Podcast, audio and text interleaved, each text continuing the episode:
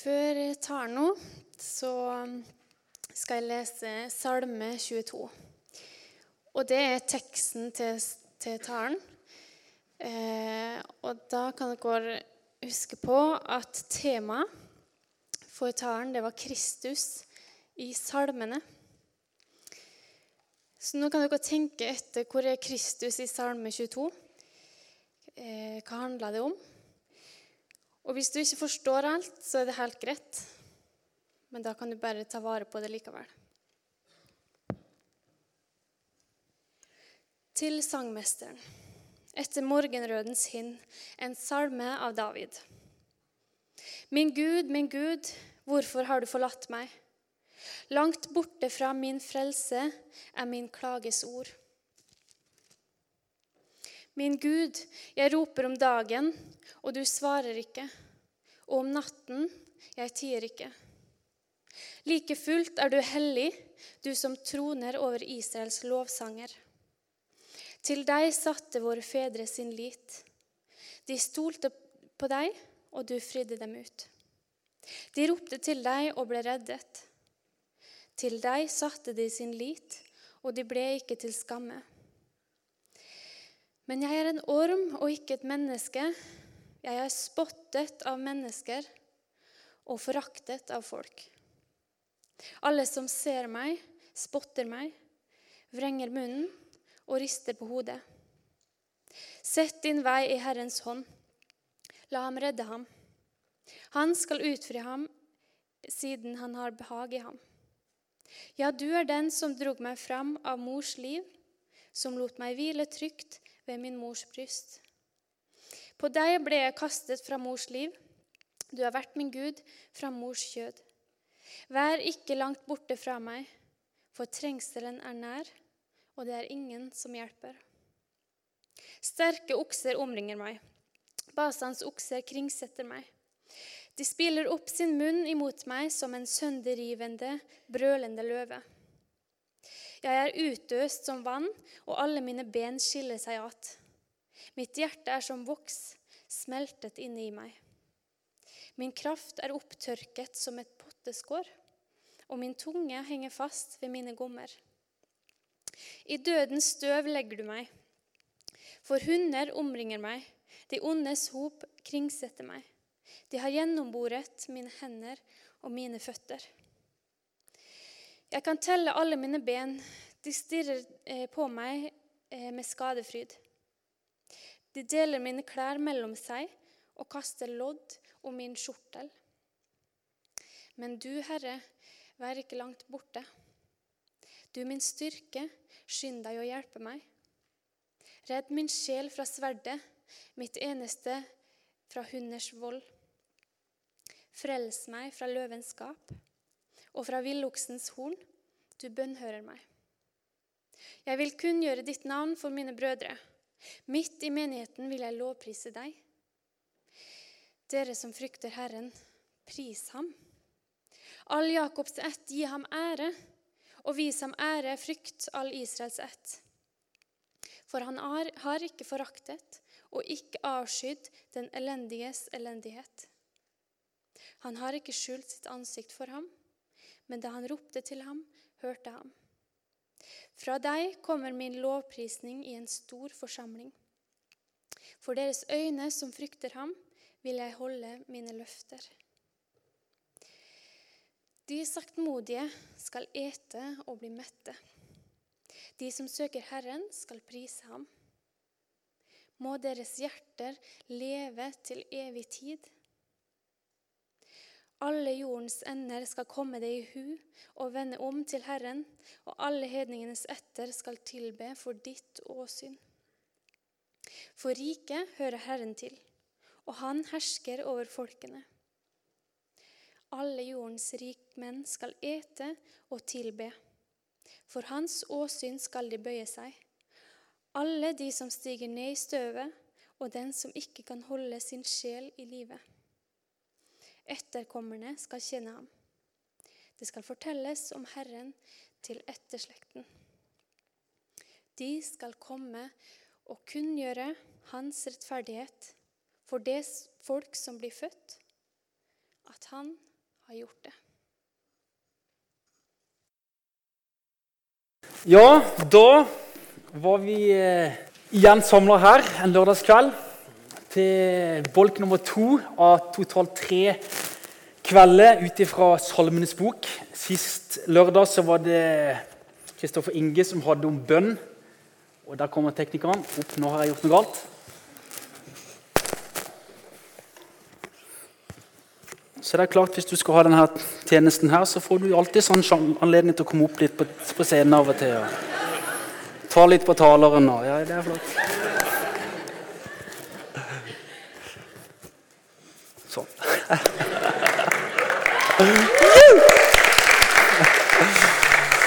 Ja, da fortsetter vi. Men i hvert fall Sist gang, sist lørdag så var det Kristoffer Inge som hadde bønn i salmene. I dag så er det Kristus i salmene, og neste lørdag der det også er som skal tale, så er det sjelesorg i salmene. Altså Sjelesorg type trøst, oppmuntring. Salmenes bok, som er ei stor bok eh, i Bibelen, med masse lovsang og bønner. Så nå har vi hatt litt fokus og skal ha fokus på den boka for at det skal bli løfta opp, og at vi kan se litt dybden og skattene som der er i Salmenes bok. For at vi skal ta det i bruk, og at vi skal bede og at vi skal lovsynge Gud med de nedskrevne salmene. Så det håper jeg, jeg håper de som var her sist at det, Jeg fikk ikke anledningen til å være her sist gang sjøl, men jeg hørte opptaket nå i hva det går, så hørte jeg opptak. Veldig flott, solid grunnleggende undervisning, salmene, bønn i salmene. Eh, og så I dag så er det Kristus i salmen. Det er spennende. sant? Jesus Kristus. Kristus, sant? Den salvede i Salmenes bok. Og Jesus som er Guds ord. Åpenbaringsboka 19 så står det om, om, om et av Jesus sine navn. Det er Guds ord. Han som er Guds ord. Det er et av navnene. Johannes 1 så har vi i begynnelsen var Ordet. Ordet var hos Gud. Ordet var Gud. Det er et annet navn på Jesus. Så hele Bibelen det er Jesus. Der møter Jesus oss. Og David, salmisten her, han har selv fått beskjed og fått eh, ja, det han skal skrive. Det er Jesus som har eh, vist ham og gitt ham denne salmen. Som er profetisk salme, som er eh, Golgata-salme. Så til de grader, den salme 22. Men det er ikke bare nå skal vi ta og be litt, men det er ikke bare i eh, i Salme 22 vi møter veldig sterkt Jesus. Det andre salmer også som har med seg ting som peker fram mot korset. Og skal, vi, skal ta, vi, skal starte litt i Salme 118, Salme 22 som er hovedgreia, så skal vi avslutte litt i Salme 114. Men du, nå tar vi og så ber vi. Og så ber vi om visdomsåpenbaring sånn. Vi ble utfordra litt i forhold til åpninga av Karoline. veldig flott. Litt, hva er grunnen til at vi er her? Og om det kunne vært at det, selvfølgelig For mange så er det kanskje det sosiale, men, men, det er jo ikke det som først og fremst skal komme, at vi kommer sammen. Det er forventning om at vi skal høre Guds ord forkynt. Og møte Jesus gjennom forkynnelsen. Og at det kan gjøre noe med oss. Enten du er frelst eller ikke. Om ikke du er frelst, at du kan høre deg frelst og møte Jesus gjennom evangeliet, gjennom ord om korset. Det er det folk blir frelst av i dag. Det er å høre seg frelst. Høre om Han som var villig til å dø på korset, som vi sang. Det var én som var villig. Det var Jesus. Og at det kan for du og meg som allerede er frelst, at dette her også kan være et, et eh, håpets budskap. Et budskap til kraft og inspirasjon og oppmuntring. Vi ber. Kjære Jesus, må du bare være med oss disse minuttene. Herre. Takk for møtet så langt. Takk for at du er her. Vi ble minnet om løftet. At det var to eller tre samla i ditt navn, der er du midt iblant oss. Du er blant oss nå, Jesus. Eh, vi kan ha forventning. Vi kan glede oss over at du er her, Jesus, med din ånd. Og du, Langt borte fra så forstår du vår tanke. Du, du vet hvordan vi har det i vårt sinn, vår tanke. Men vi ber, Herre, som det står i ditt ord, la deres sinn være vendt mot det som er der oppe, ikke mot det som er på jorda. Så ber vi om at nå, at vårt sinn må være vendt mot deg, Jesus. Det ber vi, Herre. At dette her må være et møte der vi kan få møte deg, Jesus, gjennom ditt ord, og bli oppglødd eh, i vandringa vår, i troa vår, Jesus, på deg. Det ber vi om. Jesu Kristi navn. Amen. Amen. Som sagt så starter vi i Salme 118. Der er det ett vers. Salme 122. Nei, Salme 22 skal vi stoppe litt for, gå litt mer inn i, men bare ett vers i Salme 118. vers 22.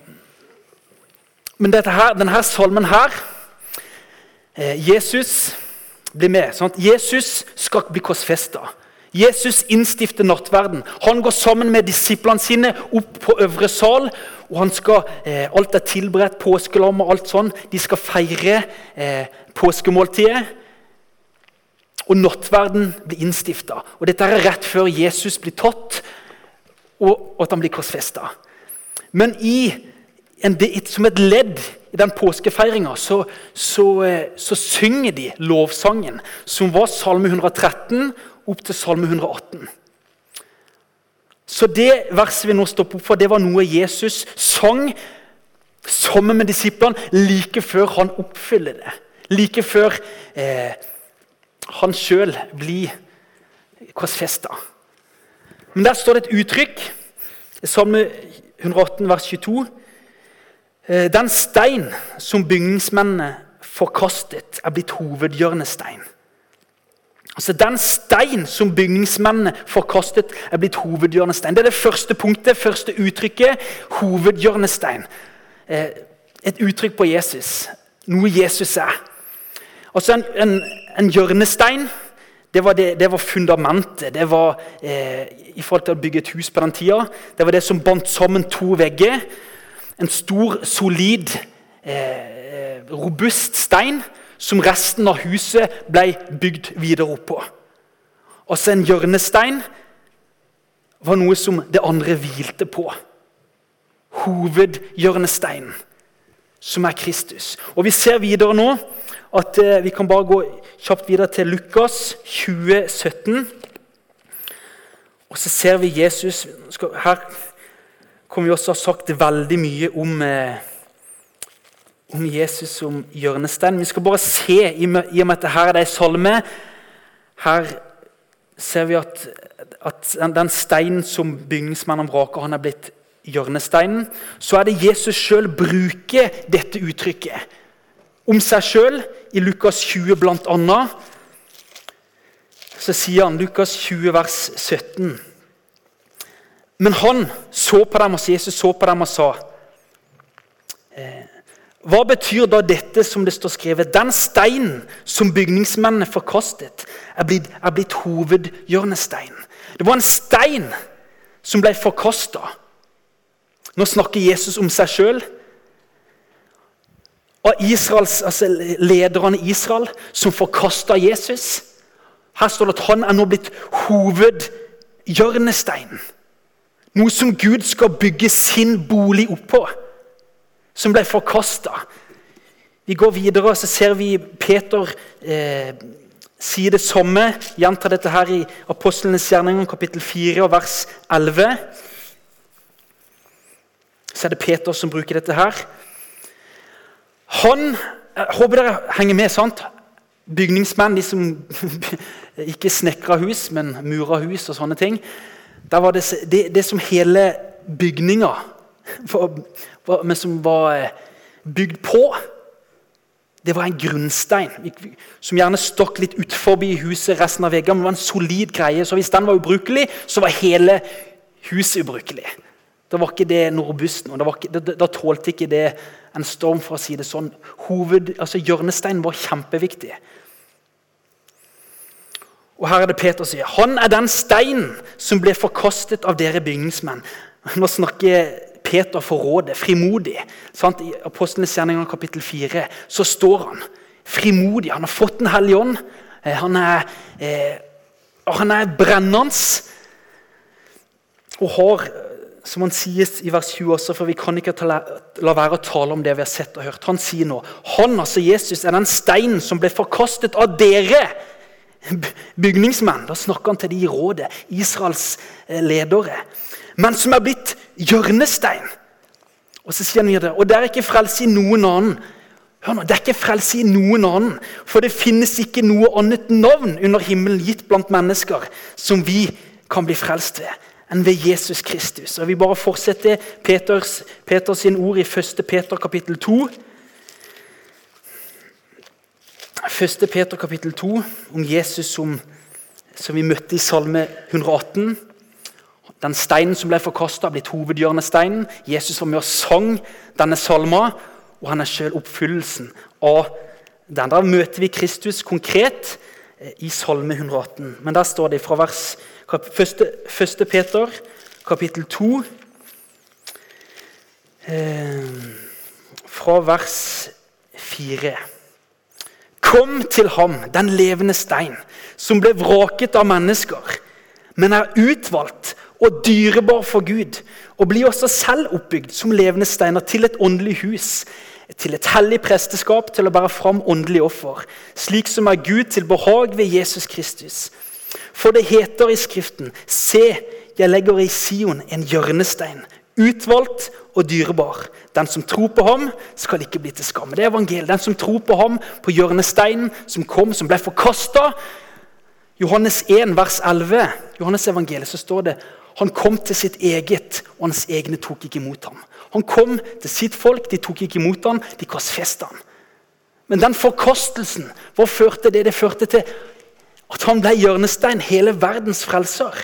Som er grunnen til at du og meg kan sitte her. Og Det står allerede veldig klart i, i Salme 118 som denne hjørnesteins eh, Det uttrykket der, da, at Jesus som vår hjørnestein. Vi leser i Efeserne 2 eh, før vi går videre til Salme 22 nå. Så Efeserne 2, Vi er fortsatt på Jesus som, som hjørnesteinen. Så skal vi se om denne, eh, hva han er hjørnesteinen for. Denne Guds boligen fra vers 19. Efeserne 2, vers 19 går kanskje litt fort, men igjen, denne med Jesus som hovedhjørnestein kan være mange bibeltimer på. Men nå er vi så vidt innom det over, i forhold til overskriften som er 'Kristus i salmen'. Nå møter vi Kristus som hovedhjørnestein før vi går videre inn i Salme 22. Og I Feserne 2 så står det også Se, så er dere da ikke lenger fremmede utlendinger men dere er de helliges medborgere og Guds husfolk. Bygd opp på apostelen og profetenes grunnvoll og hjørnesteinen av Kristus Jesus selv, som sto skrevet i Salme 118. Og I ham blir hele bygningen føyd sammen og vokser til et hellig tempel i Herren. I ham blir også dere sammen med de andre bygd til en Guds bolig i ånden. En Guds bolig i ånden der hjørnestein, det alt hviler på, det er Jesus Kristus. Han som eh, altså hjørnestein. Det ble også brukt om den siste steinen. Altså, den første vi snakker om, det er også kalt grunnstein, som en hjørnestein i et hus. Og den siste steinen som ble lagt på et hus, den ble også kalt hjørnestein. Sluttstein. Så vet vi at Jesus Kristus han er, han er den som Hebreabrevet 12, vers 2, så står det om han som er troens opphavsmann og fullender. Han som er alfa og omega. Han som er den hjørnesteinen som grunnstein og hjørnesteinen som sluttstein. Han som fullfører alt sammen. Ok, Det var litt om hjørnesteinen. Håper dere hang med litt der. Det gikk veldig fort, sikkert. Men Jesus Kristus, Kristus i salmene vi møter Det er litt spesielt Jesus som sang denne lovsangen om seg som, som den som skulle bli forkasta. Den steinen som bygningsmannen forkasta, er blitt hovedhjørnestein. Den, den sangen, den salmen, sang Jesus like før han gikk via Dolorosa opp til, til Golgata. Og så vi, skal vi inn i Salme 22, som har blitt lest. Og er den mest siterte salmen i Nytestamentet. Salme 22. En fantastisk, eh, fantastisk salme. Og heng med nå. Sant? I evangeliene så, så, så tar evangelistene Gjennom Guds ord så, så, blir vi tatt med opp på Golgata-høyden. Gjennom evangeliene, det som står om Jesus. Jesus' sin lidelseshistorie. At han som var villig til å dø, han som kom til vår jord med det mål at han skulle dø for de og min synd. Og vil se hvordan i evangeliet, hvordan han møter mennesker, hvordan mennesker som toller og synderes venn. Hvordan Jesus møter dem som ingen andre. Og så, han, så, går han hele veien opp, og så blir han gjort til de og min synd. 2. Korinterne 5,21. Han som ikke visste av synd, har Gud gjort til synd for oss, for at vi ham skal bli rettferdige for Gud. Det er evangeliene. De viser oss. Evangeliene igjen tar oss med opp til Golgata-høyden. Men Salme 22 tar oss helt opp på korset. Salme 22 tar oss opp på korset, og der vi får se det. Det er Jesus sine, sine ord. sant? Der vi får være med Frelseren opp på korset når vi går gjennom denne salmen nå. Det er sterkt. Det er skrevet lenge, lenge før, før det skjedde. I Salme 22, som ble lest. Vi skal ikke gå eh, kjempegrundig gjennom den, men vi skal gå litt gjennom dette her.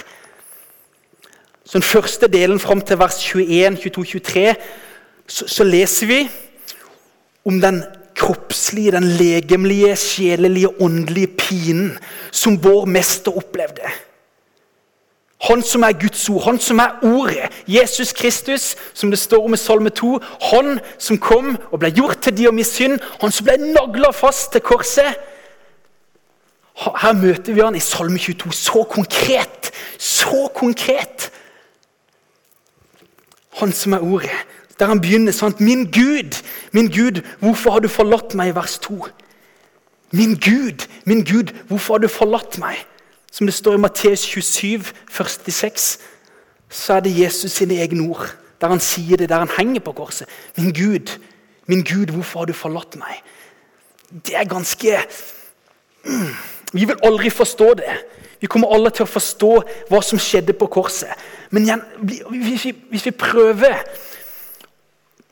å forstå litt, og vi må be om visdomsåpenbaring sånn eh, i forhold til å forstå evangeliet. For dette er nøkkelen. Her er det en sønn. altså uh, Gud som viser sin kjærlighet til oss ved at Kristus døde for oss mens vi ennå var syndere, står det i Romerne 5,8. Gud som viser sin kjærlighet til oss ved at Kristus døde for oss mens vi ennå var syndere. Og her har Jesus Og vi har hørt det igjen. Evangeliet har vi kanskje hørt igjen og igjen, men det er en evangeliet som er Guds kraft til frelse. Og Guds kraft til at vi blir bevart på veien. Helt hjem. Du og meg. Her ligger nøkkelen. Og her er det en far, Gud, som legger de og min synd han, han som legger det opp på sin enbårne sønns skuldre. Og så bærer han våre synder, vårt skyldbrev, opp på Golgata. Og så er det Gud som står der som dommer og skal straffe Jesus i ditt og mitt sted. 1. Peter 2,24. Han som bar våre synder på sitt legeme opp på treet for at vi skulle dø bort fra syndene og leve for rettferdigheten. Henger dere med? Prøv nå. Han bar de og min synd. Opp der, opp på korset, opp på treet. Og så er vi tilbake til Salme 22. Min Gud, min Gud, hvorfor har du forlatt meg? Der står Jesus, som valgte naglene som valgte det frivillig, så står han her med dommen, med straffen, for det gale du og meg har gjort. Og så ble han forlatt av Gud sin far. Og så hang han der med synda, med skammen, med smerten. Langt, min Gud, min Gud, hvorfor har du forlatt meg? Langt borte fra min frelse er min klagesord. Min Gud, jeg roper om dagen, og du svarer ikke om natten. Jeg tier ikke. Like fullt er du hellig, du som troner over Israels lovsang. Her er det meg som smerte. Sant? Men allikevel, pga. at Jesus er eh, Guds sønn, og at han ikke har gjort synd sjøl, så kan han allikevel bare Gud, du er, altså, sette sin tillit. Tilliten til Gud som far, den viker ikke. Men nå, kommer, nå vi litt med, eh, kommer vi litt inn i åssen han hadde det. Eh, der han hang med all den smerten og de folka som var rundt ham. Til deg satte våre fedre sin lit. De stolte på deg, og du fridde dem ut. De ropte til deg, og, du, og de ble, ble reddet. Til deg satte de sin lit, og de ble ikke til skamme. Men jeg er en orm og ikke et menneske. Jeg er spottet av mennesker og foraktet av folk. Han, der han henger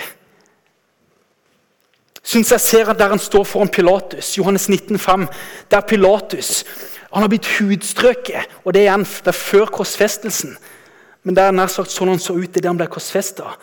Det er Jesus, din og min frelser, Guds sønn. Han står der og har blitt hudstrøket, piska. Han er ugjenkjennelig.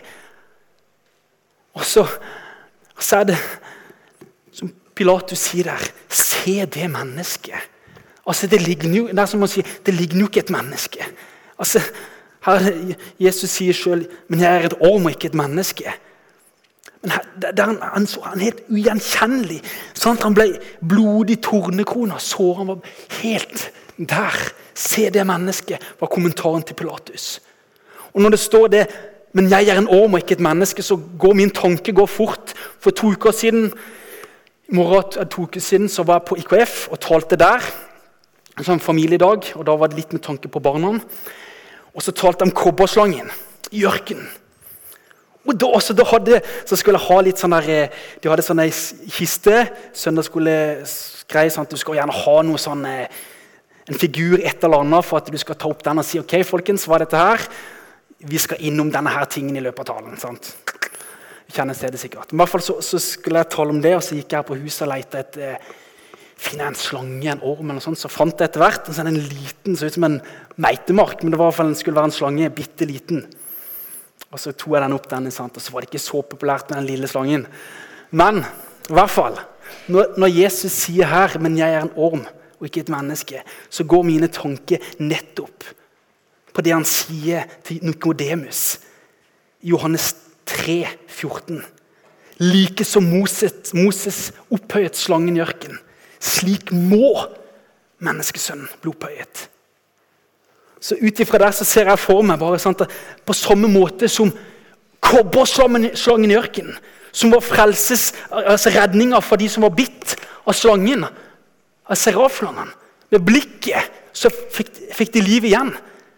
Så er Jesus samme, slik må, Han sier jo selv til Nikodemus slik på samme måte som eh, Moses opphøyer slangen i ørkenen. Slik må understreke må. Det var ikke noe valg, det var ikke noe vei utenom. Det var ikke noen måte du og meg kunne komme og bli Guds barn på. At han måtte bli opphøyd på et kors for å dø for de og min synd. Av nåde er dere frelst. Og så er han på mange måter vår kobberslange. For at vi kan se og leve. Men jeg er or, en orm og ikke et menneske. Jeg er spottet av mennesker og foraktet av folk. Her er vi igjen oppe på korset, der han henger.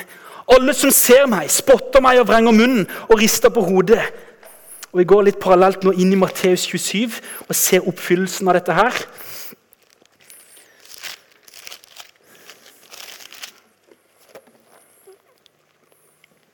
Matteus 27, 39. De som, der han henger på Golgata. Der står det her oppfyllelsen. De som gikk forbi, spottet ham, ristet på hodet og sa, 'Du som river ned tempelet og bygger det opp igjen på tre dager, frels deg selv.' Er du Guds sønn, da stig ned av korset. På samme måte spottet også ypperstepresten ham, sammen med de skriftlærde de eldste, og sa andre har han frelst, seg selv kan han ikke frelse. Han er Israels konge. La ham nå stige ned fra korset, så skal vi tro på ham. Han har satt sin lit til Gud. La nå Gud fri ham om han har behag i ham. Han sa jo 'Jeg er Guds sønn'. Også røverne som var korsfestet med ham, hånte ham på samme måte. Salme 22 der beskriver han det fra sitt sted. Alle som ser meg, spotter meg, vrenger munnen og rister på hodet. Sett din vei i Herrens hånd, la ham redde ham. Han skal befri ham, siden han har behag i ham. Ser dere? Ser dere oppfyllelsen? Ser dere hvordan litt av hans perspektiv der han henger, til spott og skam? Blodig såre eh, tornekrona med de og min synd. Og de han dør for, er rundt han, spotter han. Han har blitt spytta på, han har blitt hudstrøket. Men der er min Jesus på korset for min skyld. For de skyld. Og allerede her så det profetiske som går så til de grader fram gjennom Salme 22, der vi får se det litt fra hans sitt perspektiv. Vår lidende frelser. Han ble gjort til spott og skam, men han veik ikke unna. Han hang der. Vi går videre. Vers 12. Vær ikke langt borte fra meg, for trengselen er nær, og det er ingen som hjelper meg. Vær ikke langt borte fra meg. Ennå, min Gud, min Gud, hvorfor har du forlatt meg? Det er ingen som hjelper. Der kan du tenke vi har med en Gud i vår hverdag, i, vår, i vårt liv. Så har vi, og det skal vi litt innom neste lørdag, sjelesorg i salmene, så kan vi finne så mye kraft, eller inspirasjon, oppmuntring i vår vandring når det går litt berg-og-dal-bane, når vi er nede i dalen og har det tungt. Så har han gitt oss så mye i sitt ord. Og så har han lovt at han er med oss. Alle dager, alle slags dager så er han med oss. Men her henger han alene, og ingen hjelper, står det her. Ingen hjelper. Her henger Jesus helt alene om å bære alt sjøl. står det i Hebreerne 2, vers 9. Der står det om han som lei døden for at han ved Guds nåde skulle smake døden for alle. Jesus han lei døden for at han ved Guds nåde skulle smake døden for alle. For at den ved Guds nåde skulle smake døden for alle. Der han henger når vi er inne i Salme 22 også, så er det Guds nåde som går gjennom hele salmen. Midt i lidelsen så er alt av Gud, altså det er Guds nåde at han henger der for at vi skulle slippe å, å betale straffa sjøl. At vi skulle slippe å gå en evig fortapelse i vente. Så er alt av Guds nåde at han ved Guds nåde skulle smake døden. Ikke bare lukte på. Han smakte døden for oss alle sammen. For en Gud vi har, folkens. Her. For en god nåde Gud vi har. Men der hang han helt alene. Vi kan hoppe ned til, til vers eh, vers 16. Sant? Mine kraft er opptørket som et potteskår, og min tunge henger fast ved mine gommer. I dødens støv legger du meg, for hunder omringer meg. De ondes hop gjerder meg inne. De har gjennombåret mine hender og mine føtter. Det peker gjennom på, sant? De har gjennombåret mine hender og mine føtter. Der er det mesteren som henger der. De har gjennombåret mine hender og mine føtter. Jeg kan telle alle mine ben. De stirrer. De ser på meg med skadefryd. Der henger han. De deler mine klær mellom seg og kaster lodd om min kappe, som også det står om i Matteus 27. Åssen de deler klærne og kaster lodd om dem. Og Der har vi vært gjennom litt, noen vers, der vi er med opp på korset. Lidelsen. Fra hans sitt perspektiv. Det er stort. Det er fantastisk. Jeg håper ikke du sitter her og tenker på Kafé eh, Uno nå, altså. Det, det kan du ikke. Hæ? Ja, det er helt fantastisk, altså. Hæ? Men så går vi videre. Dette her, den første delen det var med som første delen av Salme 22. Det var den kroppslige, den sjelelige, den åndelige pinen som han hadde der han hang. Spotten, skammen, smerten. Beskrive hvordan han hadde det der. Og så den siste delen fra vers 23, så er det mer den, da går det over til seier. Litt sånn der frukten av hans seier. Og vi går, eh, kan gå inn på eh, Skal vi se Vers 27. Altså, ja. De nedbøyde skal ete og bli mette. De som søker Herren, skal prise ham. Må deres hjerte leve til evig tid. De nedbøyde skal ete og mette. Det sier han, og det skriver han som sier Johannes 6, 48, 'Jeg er livets brød'. Det henger Han som er livets brød, henger på, på korset. Så står det her de nedbøyde skal ete og bli mette. De nedbøyde skal ete og bli mette. Jeg må bare ta med skal vi se, Jesaja 57, 15. Her står det 'de nedbøyde skal ete og bli møtte'. Så står det et fantastisk vers som jeg syns er veldig å, fantastisk. I Jesaja 57, vers 15 så står det i forhold til hvor Gud bor, eller hvor han søker ly. holdt jeg på å si. For så sier den høye, den opphøyde, han som troner for evig, han som bærer navnet hellig. I det høye og hellige bor jeg, og hos den som er knust og nedbøyd i ånden for å gjøre levende de nedbøydes ånd og gjøre de knuste hjerter levende.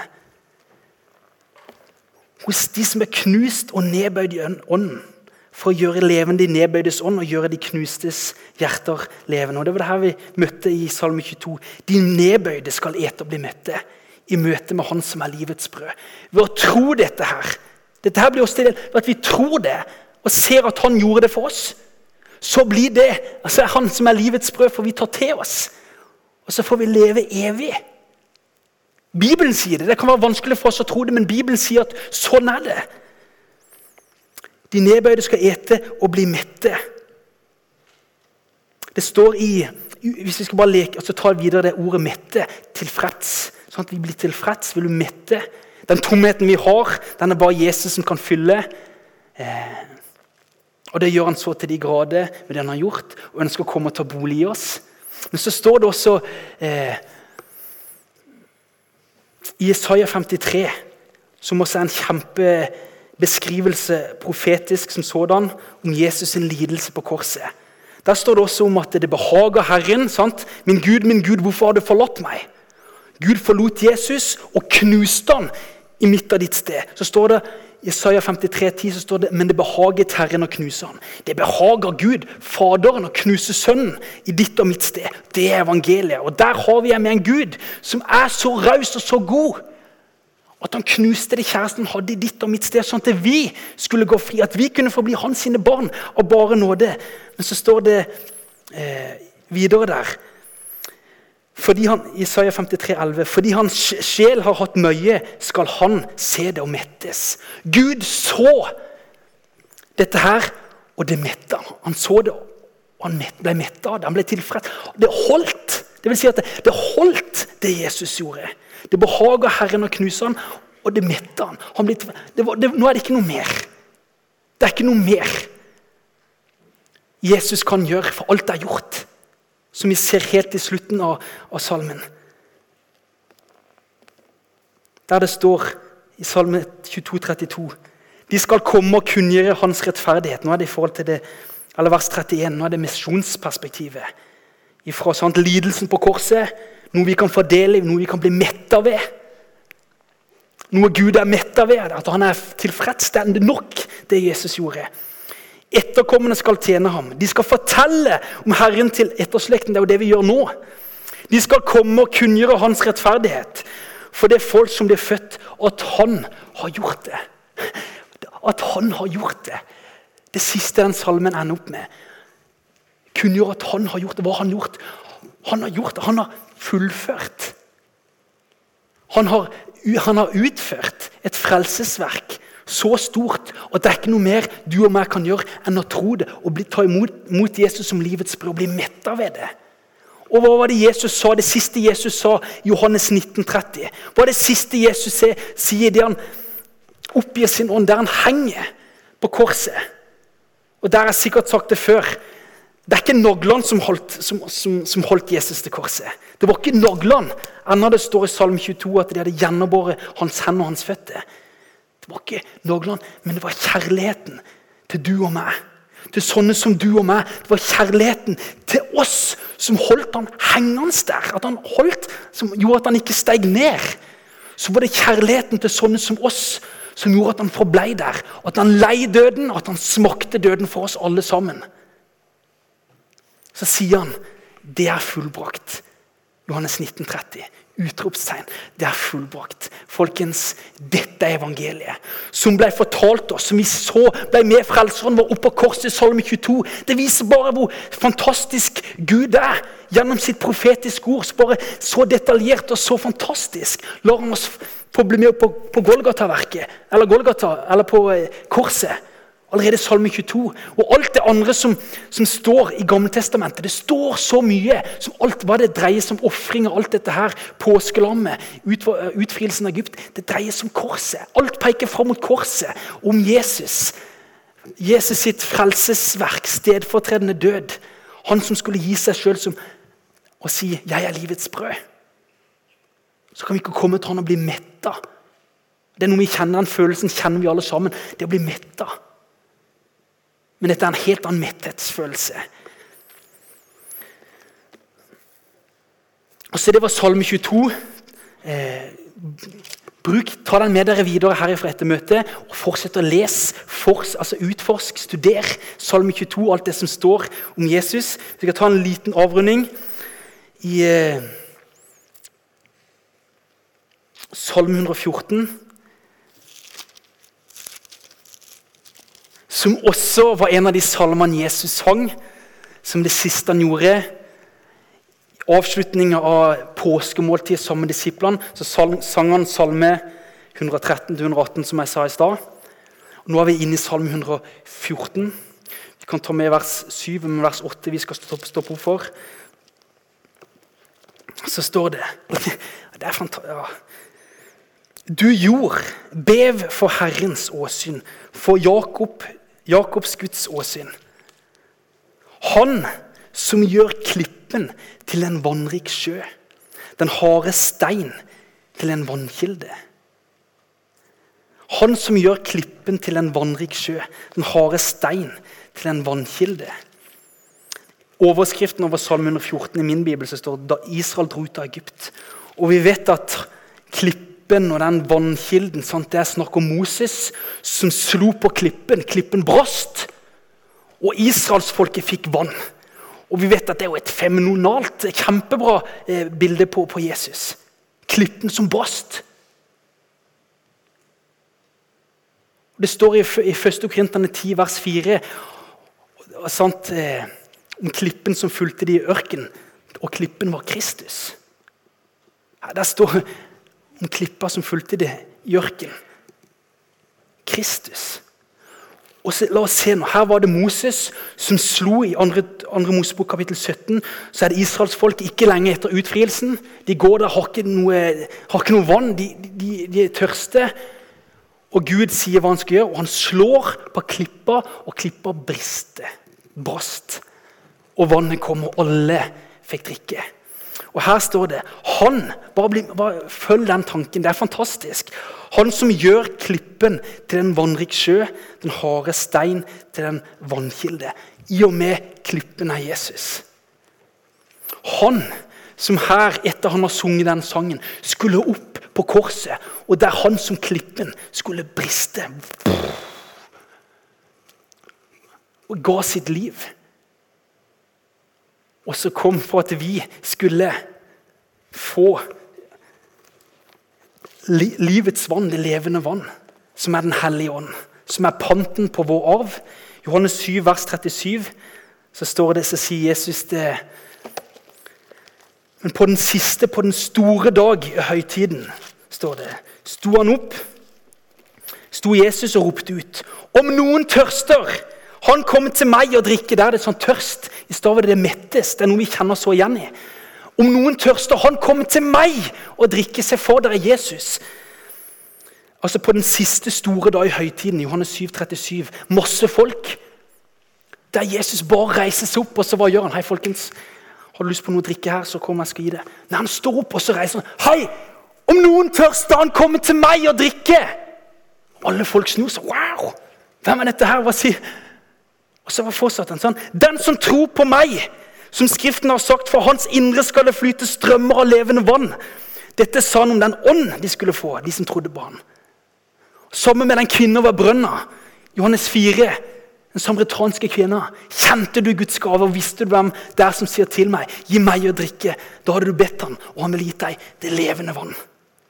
Klippen er Jesus. På samme måte som Moses boom, slo på klippa. Klippa revna, og det kom vann ut så står vi her ovenfor vers 80 i Salme 114, som Jesus sjøl sang. Han som gjør klippen, han er Gud. Som gjør klippen Jesus til en vannrik sjø. Den harde stein til en vannkilde. Overflod han gir oss, og vi får ta imot Hans ånd. Vi får ta imot Hans nåde som et nådeshav. Er det ikke fantastisk?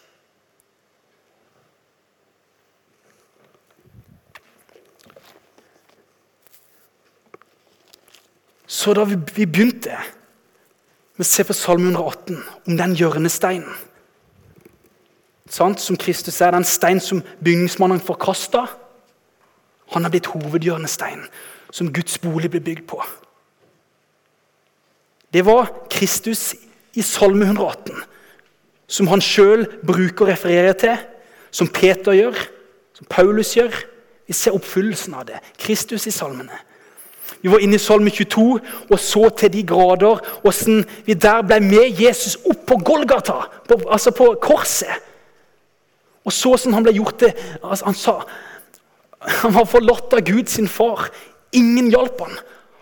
Han hang der pga. de og min skyld og synd. Hvordan vi så flere vers som bare går oppfyllelse i Matteus 27. Vi så hvordan første delen av Salme 22 var om Jesus sin lidelse kroppslig, åndelig, sjelelig. Vi var innom på slutten på vers, altså fra vers 23 og videre utover så hvordan det ble til seier. Hvordan vi skulle bli mette av dette. her. Hvordan det skulle bli oss til del. Han som er livets brød. Og så gikk vi inn i Salm 114 vers 8 om klippen som brast som skulle bli til en vannrik sjø, den harde stein til en vannkilde. Om Han som vil gi oss av det levende vann.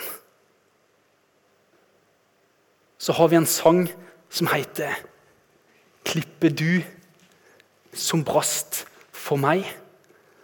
La meg skjule meg i deg. Og de, Den verselinja der syns jeg er veldig flott å avslutte med. Etter det vi har hørt, om frelseren vår Jesus, som valgte naglene, som valgte spotten, pinen, skammen, for de og min skyld. Sånn at vi kunne gå fri. Alt av nåde. Og så sier ikke nok med det. Så sier Bibelen at vi skal bli vi tror på Jesus når vi får komme med vårt uperfekte liv. Sant? Ikke, det var ikke for de rettferdige han kom, men for toller og syndere sånn som ikke får til livet, sånn som trenger en frelser. Så står det at vi skal bli, hør, vi skal bli ikledd Jesus. Vi skal bli tilregna alt det han er og han har gjort. Det blir vi tilregna, og så blir vi ikledd. Salme, nei, Isaiah 61 vers 10 bruker benevnelsen 'rettferdighetens kappe'. Vi blir ikledd og får en rettferdighetens kappe om våre skuldre, som holder i liv og i død som holder i liv og i død. Og Dette er noe vi må takke for. Kjære far, vi bare ære og priser deg. og Takke deg for evangeliet, takke deg for frelsen. Takk for at vi får møte deg, Jesus, i salmene så konkret. Eh, med deg oppå, også, for å være med deg opp på korset i Salme 22 der. Takk for at du er vår frelser, Herre. Det står som du sa til Nikodemus, at like som Moses opphøyer slangen i ørkenen, slik må menneskesønnen bli opphøya. Og vi ser det at det, det kommer så tydelig fram det, det du sa til Nikodemus. Slik må menneskesønnen bli opphøya. Det var ikke noen annen måte vi kunne få fred med deg, Gud, enn at du, Jesus, måtte bli gjort til vår synd og skam. Noe må bli gjort til våre synder for at vi der skulle bli rettferdige for deg, Gud. Vi takker deg for at det er fullkomment. Og kjære Jesus, vi bare ber om at du, alle, ja, at alle her som sitter her i kveld, Jesus, må, må få se det. At du er livets frø. Og du kan gi oss det liv, liv, levende vann. Og erfare det. At ikke det bare blir noe teoretisk, men at vi får erfare det du nå har møtt oss med i kveld. At det blir til liv. Kjære Jesus, det ber jeg deg om. Kjære Gud. Mm. Så vet vi også, Ut ifra ditt ord så vet vi at ordet om korset det er en dårskap for de som blir går fortapt, men for oss som blir frelst, så er det en Guds kraft. Takk for det, Jesus. Amen. Amen. Altså, det, er, det er et gledens budskap. Det er stort. Minne om forbønn her i kroken. Eh, mulig til å, å bli bedt for, om det er noe spesielt, om det er noe generelt. Så bare vær frimodig. For det er masse masse løfter knytta til, til, til, bønn. Om ikke annet, bare sette dere sammen der og så takk Jesus. Takk Jesus. Det har vi grunn til, alle sammen. Jesu navn.